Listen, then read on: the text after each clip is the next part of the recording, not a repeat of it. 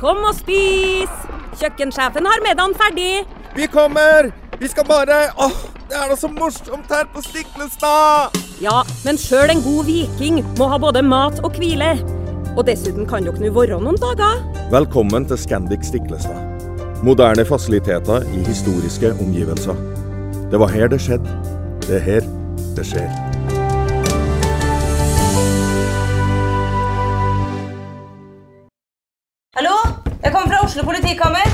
Ine Jansen er purk. Er du purk? The motherfucking bitch. Alt jeg vil, er å finne ut hva som skjedde med mannen min. Jon Carew. Er jeg sikta for noe? Iben Akeli. Det er du.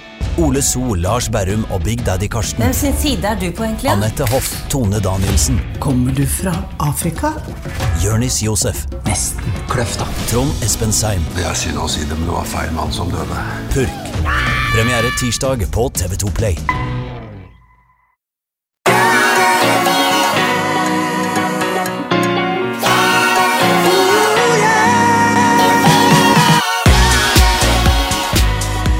Velkommen til podkasten Hjernesterk. Vi eh, er jo som sagt eh, tidligere, Ole Petter, veldig opptatt av forebyggende helse. Eh, Det er jo helt utrolig hva man kan gjøre for helsa si med riktige valg i hverdagen, og det har vært en del diskusjoner rundt det, sånn som pleier å være i januar, og vi har Gunni Stordalen som har skrevet bok, og vært diskusjoner rundt det og i det hele tatt. Men jeg oppdaget, eller vi ble tagget begge to, i et eh, innlegg til Trude Salte, som er, eh, er lege, eh, hvor hun hadde gjort en liten undersøkelse på sin egen pasientgruppe i forhold til mengden pasienter hun hadde, og hvor mange prosent av de konsultasjonene hun trodde kunne forebygges da med mosjon, kosthold, bedret søvn osv. Det var veldig interessant. Du så vel kanskje innlegget selv også, Ole Petter? Du, jeg så, så innlegget, så um, det var veldig interessant eh, undersøkelse hun har gjort, som dere snart skal få, få høre om. Det overrasker meg jo ikke.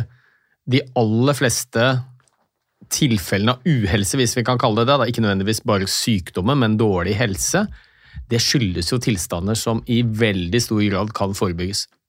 Ja. Um, og uh, Trude her, det var så interessant. Uh, hun har jo en busy kalender. Hun er mor og lege og alt dette her, så vi hadde jo egentlig, hadde egentlig tenkt å ha henne som gjest, men som for å gjøre ventetiden litt kortere, da, for det var en veldig interessant dame å snakke med, Trude, så rett og slett ringte jeg henne og tok en liten prat om dette innlegget og hva hun tenker om forebyggende helsearbeid og dette med helhetlig oppfølging av pasienten som, som lege. Så vi kan høre hva Trude Salte sa til meg når jeg snakket med henne på telefon. Trude Salte, du eh, er opprinnelig fra Bryne, men bor på Østlandet nå, og så er du eh, lege i spesialisering ifølge Instagram-kontoen din. Du er eh, kettlebell-instruktør eh, og brenner for bevegelse og, fy og fysisk og mental helse, eller bevegelse for fysisk og mental helse. Mamma, og så hadde du et innlegg på Instagram for eh, ja, et par uker siden, eller noe sånt nå, som, hvor også da podkasten Hjernesterk og mitt navn, Ole Petters navn, var tagget, fordi at der skriver du Du har gjort din egen litt sånn personlige studie. Eh, Kan ikke du fortelle litt om, eh, om den teksten, og hvorfor du skrev det du skrev på Instagram den dagen? Ja, det kan jeg gjøre. Jeg er, som du forteller, eh, for tiden lege i spesialisering i allmennmedisin. Og nå er jeg på en fastlegeliste på ca. 1250 pasienter. Og så er jeg, som du fortalte, veldig veldig interessert i dette med forebyggende helse. Og opplever jo ofte at jeg jobber i et system der dette egentlig er veldig vanskelig å få til.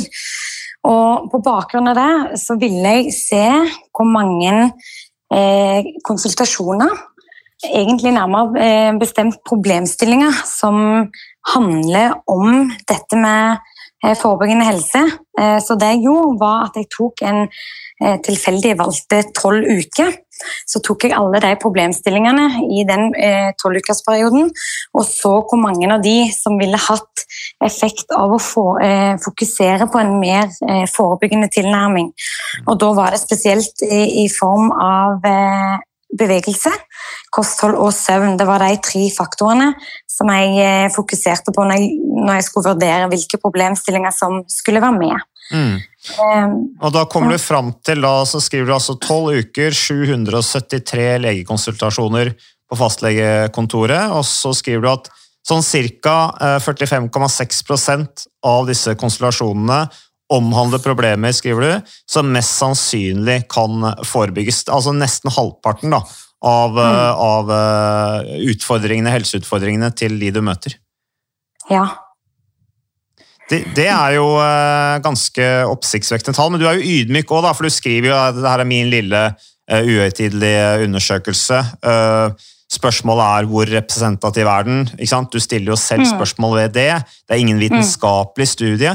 Men, men det, er jo, det er jo en veldig spennende tilnærming som vi også har snakket mye om i podkasten Hjernesterk. Det snakkes jo mye om forebygging, og da er det veldig interessant at du som lege oppfatter at det er veldig krevende på en måte å få gjort, få gjort jobben skikkelig, hvis jeg oppfatter deg riktig. Stemmer det? Ja, det stemmer veldig godt. Jeg føler veldig ofte at jeg jobber i et system nå der vi bare pusser på en mur. Eh, sånn helt, helt på toppen og overflaten. Og så ser det ut til at vi glemmer helt å få, øh, fokusere på de eh, Kall det helt sånn grunnleggende mursteinene som den muren skal eh, være laga av. Eh, det føles rett og slett som jeg til tider jobber veldig bakvendt eh, og nærmest litt sånn i feil, i feil ende. For jeg driver og prøver å lappe på noe som har et hull i bunn, hvis man kan si det sånn. Um, og når jeg ser, uh, og jeg føler jo veldig ofte at jeg på mine legetimer har veldig masse jeg har lyst til å gi denne pasienten av verktøy der man kanskje til og med både kan først og fremst bedre helse- og livskvalitet, men kanskje til og med kutte medisiner og reversere en hel del av sykdomsforløpene. Men så er det likevel unna et sånn et eh, både system og et tidspress som egentlig gjør at dette krever helt enormt mye av legen, og det er dette jeg har lyst til å få opp og frem. da. For sånn som vi mm, har lagt opp systemet nå, der som du og Ole Petter snakker om mange ganger, der store store deler av helsebudsjettet går til reparasjon, faktisk ni av ti helsekroner, det er faktisk ikke bærekraftig. Så det virker som om vi ennå tror at det kan funke i lengden, men det kommer det ikke til å kunne gjøre. Så noe må vi endre, og da tenker jeg at primærhelsetjenesten, det å kunne styrke den, få med fastlegene, tror jeg er helt, helt essensielt for å få til det løftet. da. Mm. Eh, ja, for du skriver jo da i innlegget vi leger har for lite tid til oppfølging. Det trengs mer tid og kunnskap for å sette seg inn i pasientens problemer og lære pasientene hvorfor en, en, en priori, omprioritering da, i, i livsstilen er, er viktig. Det er klart, Da må du jo være tett på, men tenker, altså du var jo litt inne på det. Hva er løsningen? Men hvordan skal man sette dette her i system? Hvorfor, hvorfor er det så vanskelig å, å, å få til, tenker du? Det er jo et veldig veldig stort spørsmål, og der må man jo skille på litt sånn enkeltindividnivå og samfunnsnivå. Altså, jeg tror at veldig mange pasienter opplever at når de kommer til legen nå og har f.eks. et vektproblem eller et inaktivitetsproblem, som vi jo vet at gjelder 70% av befolkningen, eh, så får de, blir de vist, i beste fall kanskje vist til eh, link, nettside til Helsedirektoratet, der man liksom aktivt selv må ta ganske mye initiativ til å eh, finne den informasjonen som er relevant. Og der er det nok oftest òg dessverre en litt for generell informasjon. Eh, og en, en, ja, det krever rett og slett mye innsats av pasienten. og Da tror jeg at vi som enkeltbehandler må ta oss med å skape et helt annet eierskap til disse endringene hos den enkelte. Vi må få eh, pasienten til å skjønne hvorfor. Hva er det som skjer når man gjør gode valg i forhold til økt bevegelse eller kosthold eller prioriterer søvn? Man må skjønne helt konkret hva du sitter igjen med når du prioriterer dette foran noe annet. Eh, Det er jo en helt sånn konkret ting, for endring er vanskelig. Det krever tid. Det krever masse masse innsats for den enkelte å gjøre om en, en vane. Og så kan det være at vedkommende har veldig dårlig erfaring med å prøve å få til endring før, for man har blitt servert quick fixes eh, som selvfølgelig da ikke viser seg å funke, blant annet. Eh, sånn samfunnsmessig så tror jeg løsningen ligger i å styrke eh, veldig mange av områdene i primærhelsetjenesten. Vi må gjøre det i, på litt sånn grasrotnivå. Eh, og, og da er det jo spesielt og fokusere i en helt annen grad på dette tverrfaglige arbeidet. At vi sitter flere under samme hus eller tak mm. med veldig god kompetanse på dette, så vi kan spille hverandre gode istedenfor vi skal sitte på hver vår tue og føle at vi egentlig er helt sånn overvelda av alt vi skal fokusere på. Eh, der må vi jo ha både kommunale og statlige politikere med på banen. Eh, og så må det bli mer lønnsomt for den enkelte behandler, akkurat nå fra mitt perspektiv, da lege, egentlig, å ta seg bryet og tiden med å gjøre den informasjonskunnskapsbiten til fastlegen. Og så eh, må nok den enkelte legen rett og slett ha ansvar for færre pasienter, eh, sånn at man kan gå inn på alle disse områdene med de man faktisk har. Eh, og helt sånn overordna så må man tørre å gjøre denne langsiktige investeringen, ikke bare eh, tenke for en kort politisk periode, som på en måte kan vise til tall. For de kronene vi bruker på denne reparasjonen, kan ikke forsvares over kronene investert til forebygging sånn på lang sikt. da. Mm. Men uh, Trude, når du uh, sitter ned og snakker med den lille tiden du har da, med alle pasientene mm. du har på kontoret, uh, det er, vel, er det Nesodden du holder til? Ja. ja. Så, så, snakker du med, kommer det inn en pasient, og så, og, så, ser du at her er det åpenbart at her er, kan pasienten selv ta tak og gjøre mye sjøl. Hvordan starter du en sånn samtale? Altså, hvordan, hvordan kommer, du, kommer, du, gjennom til pasienten når du begynner en sånn samtale? Ja, altså overraskende ofte så gjør jeg det der jeg kanskje har tenkt at dette her blir eh, en utfordrende samtale. Jeg tror faktisk at veldig mange pasienter opplever det som en litt sånn lettelse. At man eh, Altså, se for deg sjøl hvis alternativet er medisiner, der man ved å ta tak i dette faktisk kan unngå å bruke medisiner, som jo bør være vår absolutte eh, slutt, siste løsning, eh, så vekker det et eller annet nesten uavhengig av alder. Eh, men jeg ser at det er en ganske stor informasjonsjobb som ofte skal til. Det er veldig lett for du og meg og Ole Petter alle disse som sitter og snakker om dette igjen og igjen, og tenker at dette er ganske mye allmenn kunnskap, mm. men det er en, ennå en veldig veldig lang vei å gå. og Det er jo det jeg har lyst til at vi i primærhelsetjenesten skal ha en mye mer sentral rolle. Så eh, man, må, man, må, tilpasse det unikt for hver eneste pasient jeg har på kontoret, egentlig. Eh, man må Fordelen med en fastlege er at jeg kjenner til veldig mange forhold i dens liv. Jeg vet om ulempe i forhold til nattarbeid, kanskje, jeg vet om samlivskonflikt, jeg vet om syke foreldre eller syke barn.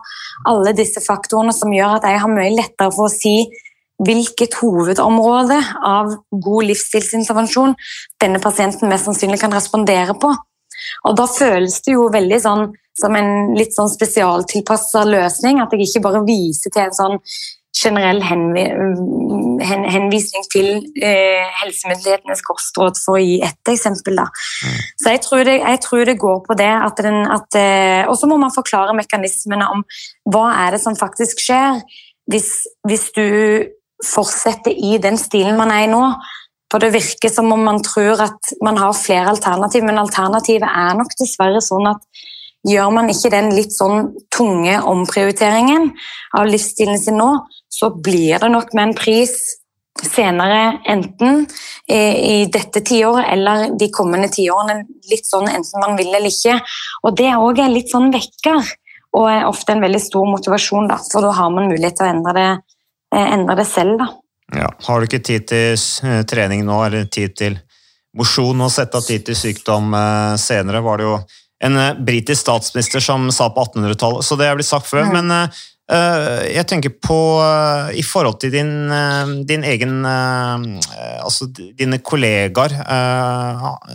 Har, du mange kollegaer som du snakker med om dette her, og som, som mener at det er på tide med, med, med en endring? Eh, det er på tide å gjøre noe, eller føler du at du er litt sånn alene som lege med de tankene du har? Mm.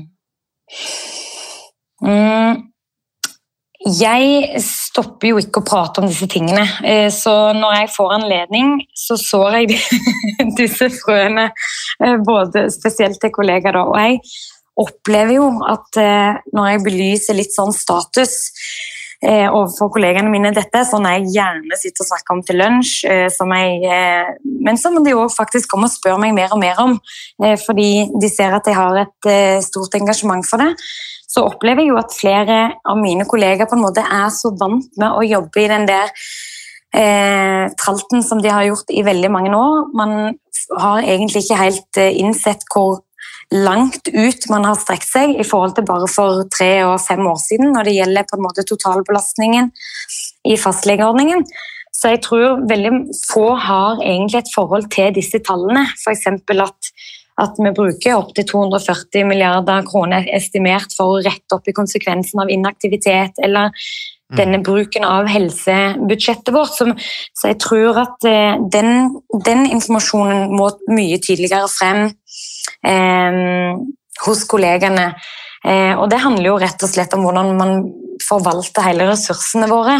Og Det håper jeg jo at det har jo vi som fastlege et ansvar for. Derfor tenker jeg at eh, hvis vi er med oss og løfter kunnskapen rundt dette, så tror jeg egentlig at flere er motivert, men, men, at de nok ikke på noen måte opplever at de jobber i et system der det tillates. da. Mm.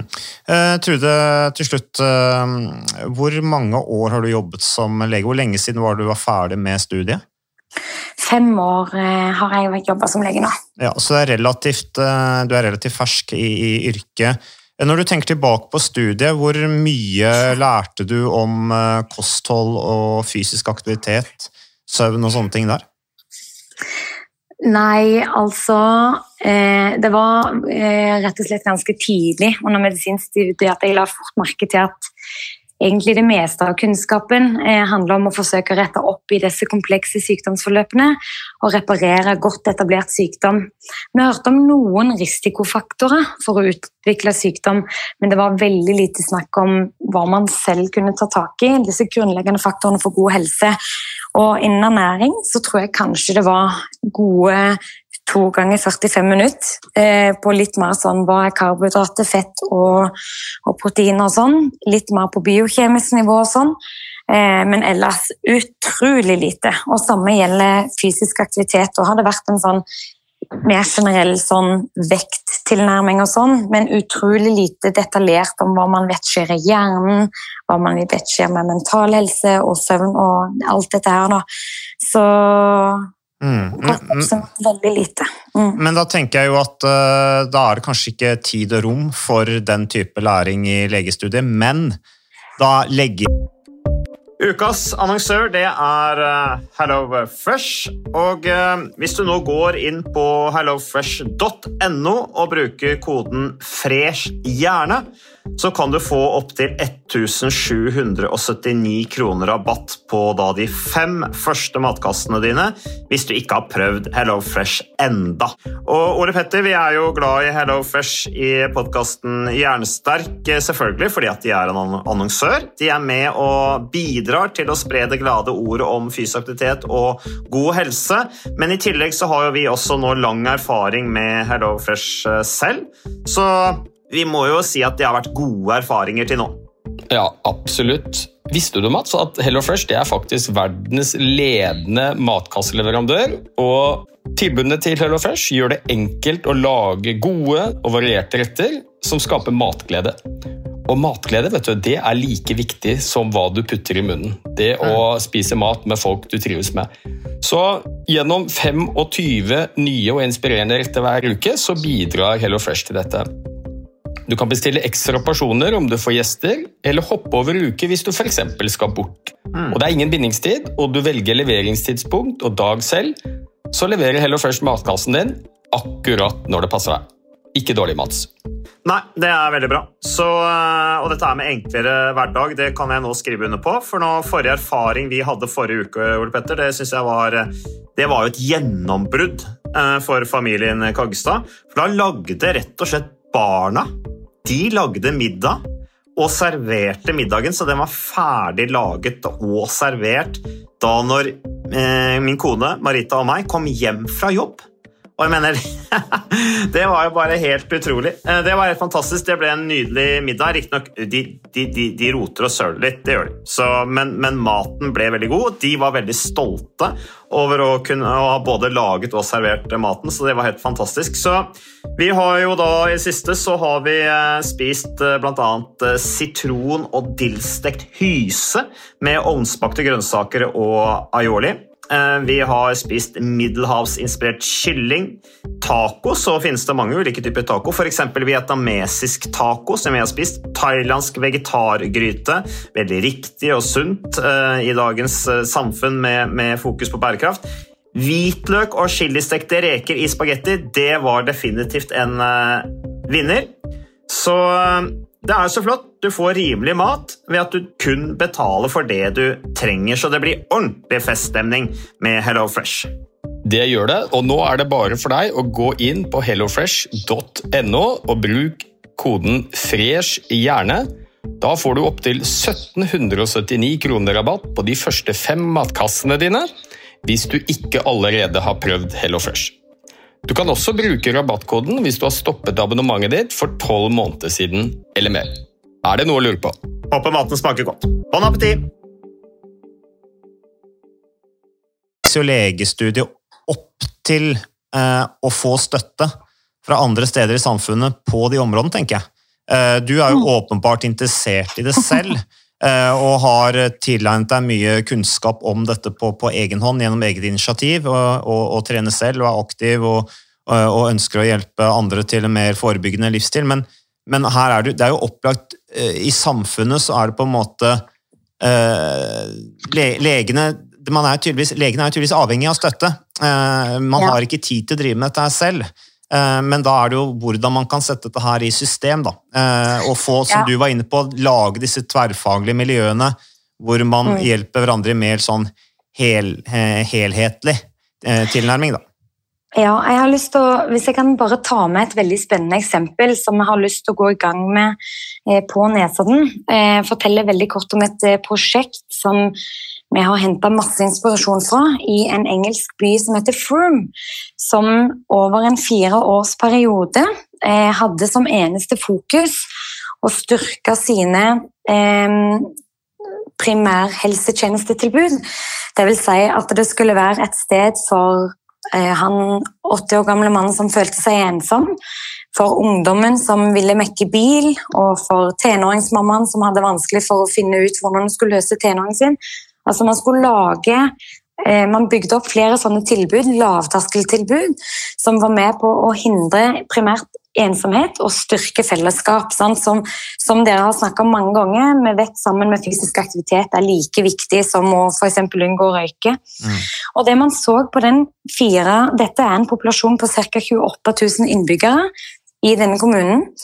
Og i løpet av de fire årene så klarte man da, ved å styrke allerede egentlig etablerte tjenester i primærhelsetjenesten, sørge for at folk var mindre ensomme, opplevde økt tilhørighet og samhold, klarte man da å redusere antall akuttinnleggelser i løpet av en fireårsperiode med 17% kontra en stigning på alle andre nabokommuner på 29% med akuttinnleggelser. Og vi hører stadig hva det koster både enkeltindivider og samfunnet med sykehusinnleggelse. Og da det, alle disse tapte leveårene som går i eh, dette med ensomhet. Så det er jo et veldig konkret eksempel der man egentlig bare har styrka tjenestene i primærhelsetjenesten og sett at sluttpunktet på dette faktisk er 17% reduksjon i akutt sykehusinnleggelse av hvilken som helst årsak. Ja, Med fulle sykehus så skjønner man at det er, eh, det er et viktig, viktig eh, tiltak, med det som, som du nevnte der. Men eh, bare et sånt spørsmål av ren nysgjerrighet. eh, Sånn som eh, frisklivssentral, har ikke dere i området ditt tilgang eller kontakt med, med det, eksempel? Jo, akkurat Frisklivssentralen på Nesodden fungerer veldig veldig bra. Eh, Den vet fastlegene godt om. Eh, Vi har tett dialog og får gode rapporter, og, og pasientene opplever generelt egentlig i alle aldre at det med Frisklivssentralen fungerer veldig bra her, men jeg vet at det har jo ikke vært tilfellet i alle landets kommuner. Nei. Nei. Men uh, uansett, Trude, uh, veldig spennende å prate med deg. Uh, vi kan sikkert snakkes igjen. Um, det er en viktig stemme du har som, som sier det du mener, og, og også flagger temaet, sånn som du gjør. Veldig bra. Og så ønsker jeg lykke til videre. Takk for praten. Tusen hjertelig takk for prat. Yes. Ha Takk, det. takk. Ha det. Ha det.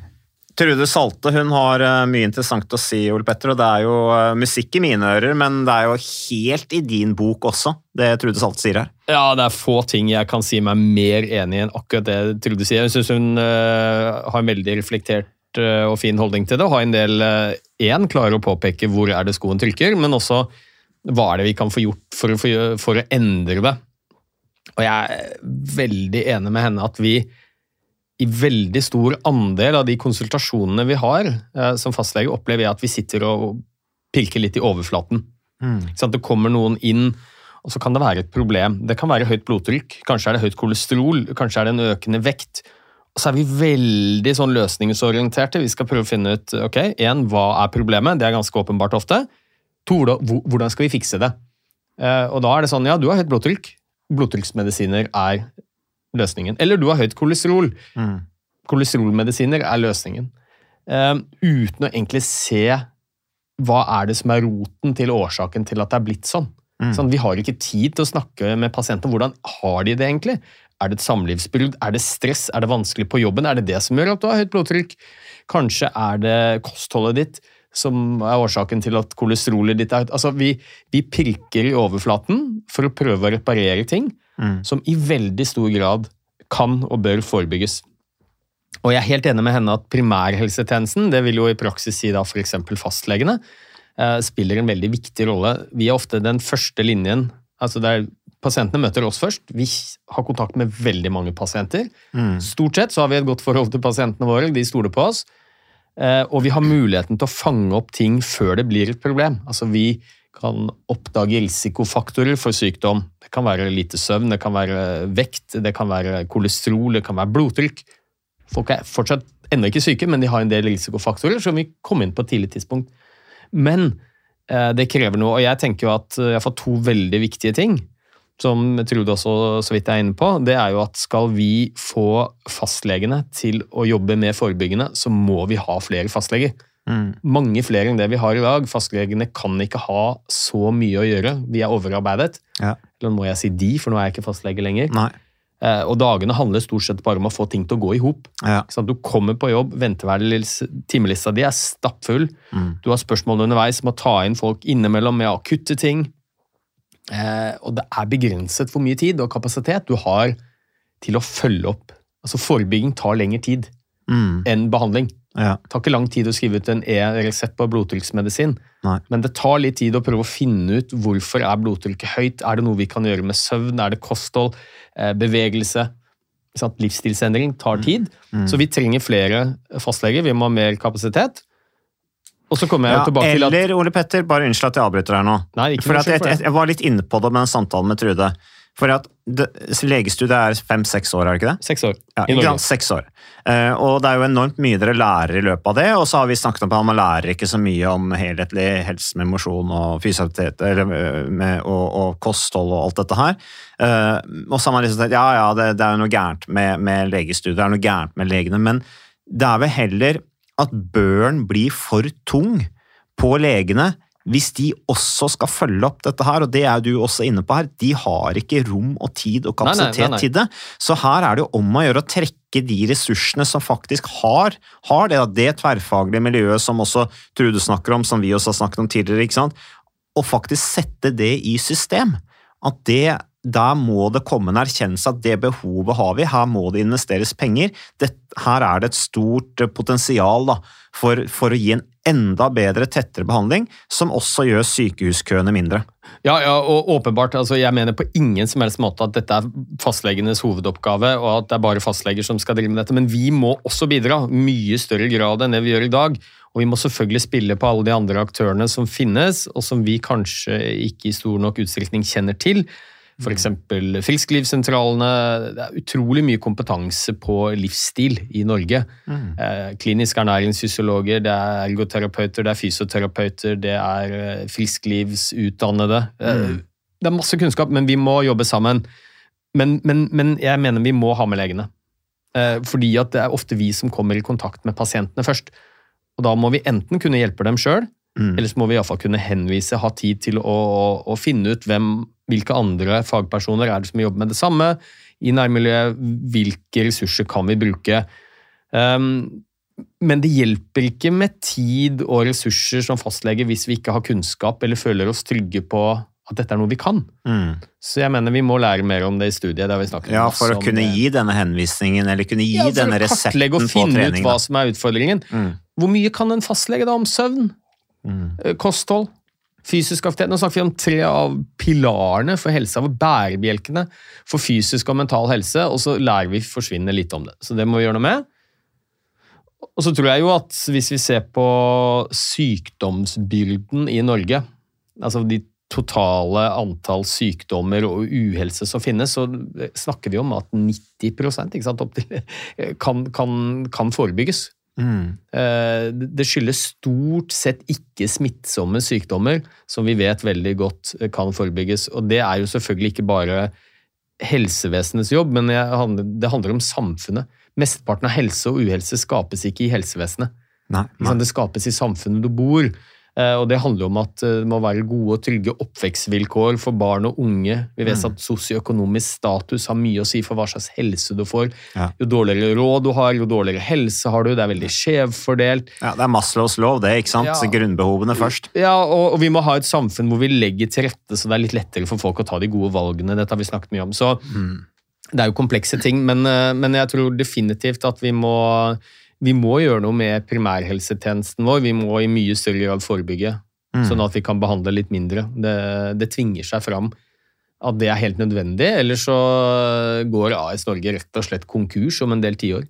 Ja, eller å faktisk da følge opp de pasientene bedre, som får beskjed da, av f.eks. Trude om at du må begynne å bevege deg litt mer, spise litt sunnere, eh, og faktisk følge opp vedkommende som trenger hjelp og veiledning til å gjennomføre Ja, ja. de endringene. Så, så hun, hun peker på to ting. Jeg har lyst til å nevne én ting til også. Altså en, Vi må ha flere fastleger, mer ressurser, sånn at vi har tid til å jobbe med dette, som er viktig. Vi må ha litt mer kunnskap. Og så mener jo jeg at myndighetene har en veldig viktig rolle. Så godt som alle, eller fastlegen i Norge, jobber jo etter en hybridmodell, hvor de aller fleste er selvstendig næringsdrivende, men de har tilskudd fra det offentlige. Det vil si Helfo heter det. Mm. Så pasientene betaler, betaler en egenandel, 150-60 kroner, kanskje litt mer, litt avhengig av hvilken lege du går til. Og så får vi leger refusjoner for hva vi gjør av undersøkelser, prosedyrer. Og de aller fleste av refusjonsprosedyren, eller refusjons, refusjonene vi får, da, de handler om eh, prosedyrer vi gjør.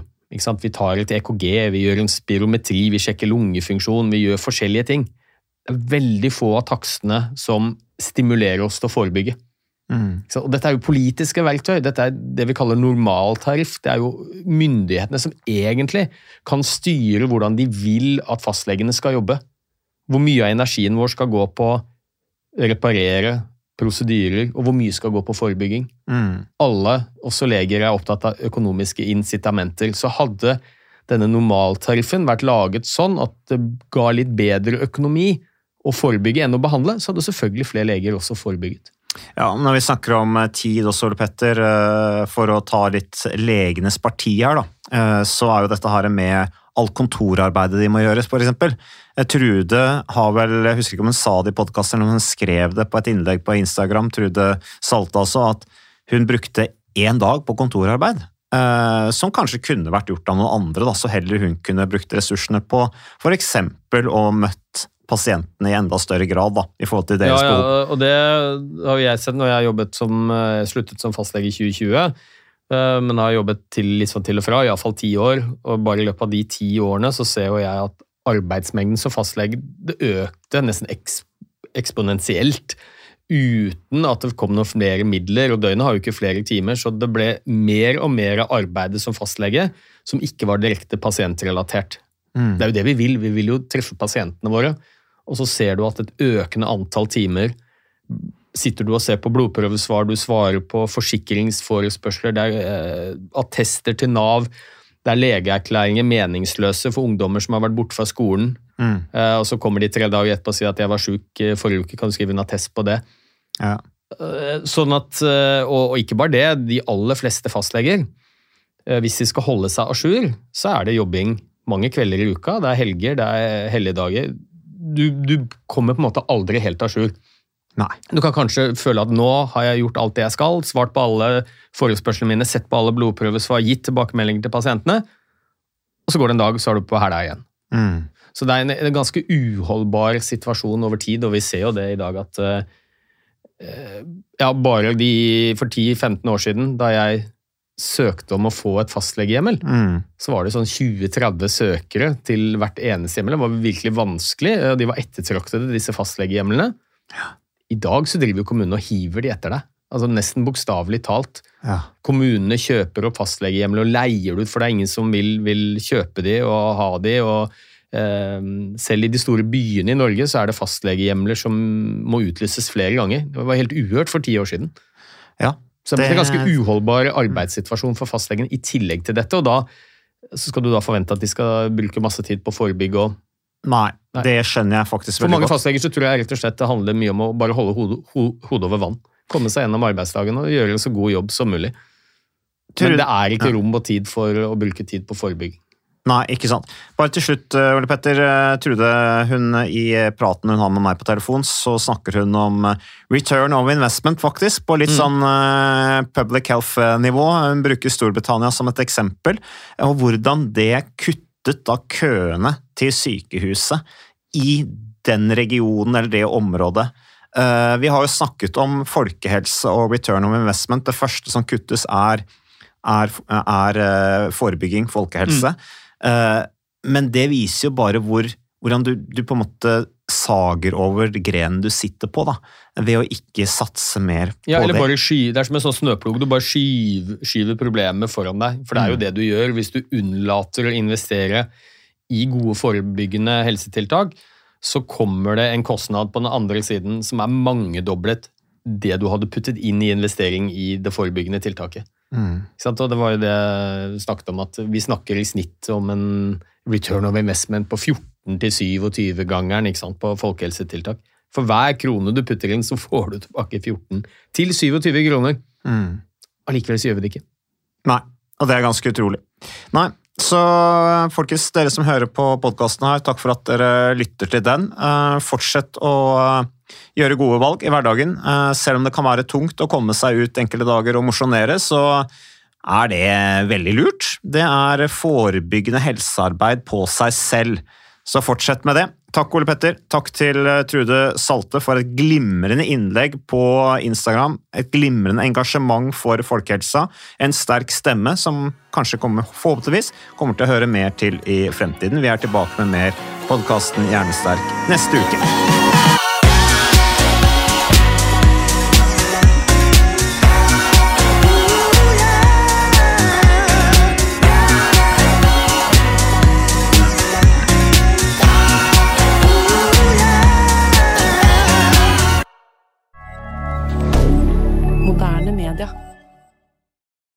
Har du et enkeltpersonforetak eller en liten bedrift? Da er du sikkert lei av å høre meg snakke om hvor enkelt det er med kvitteringer og bilag i fiken, så vi eh, gir oss her, vi. Fordi vi liker enkelt. Fiken superenkelt regnskap.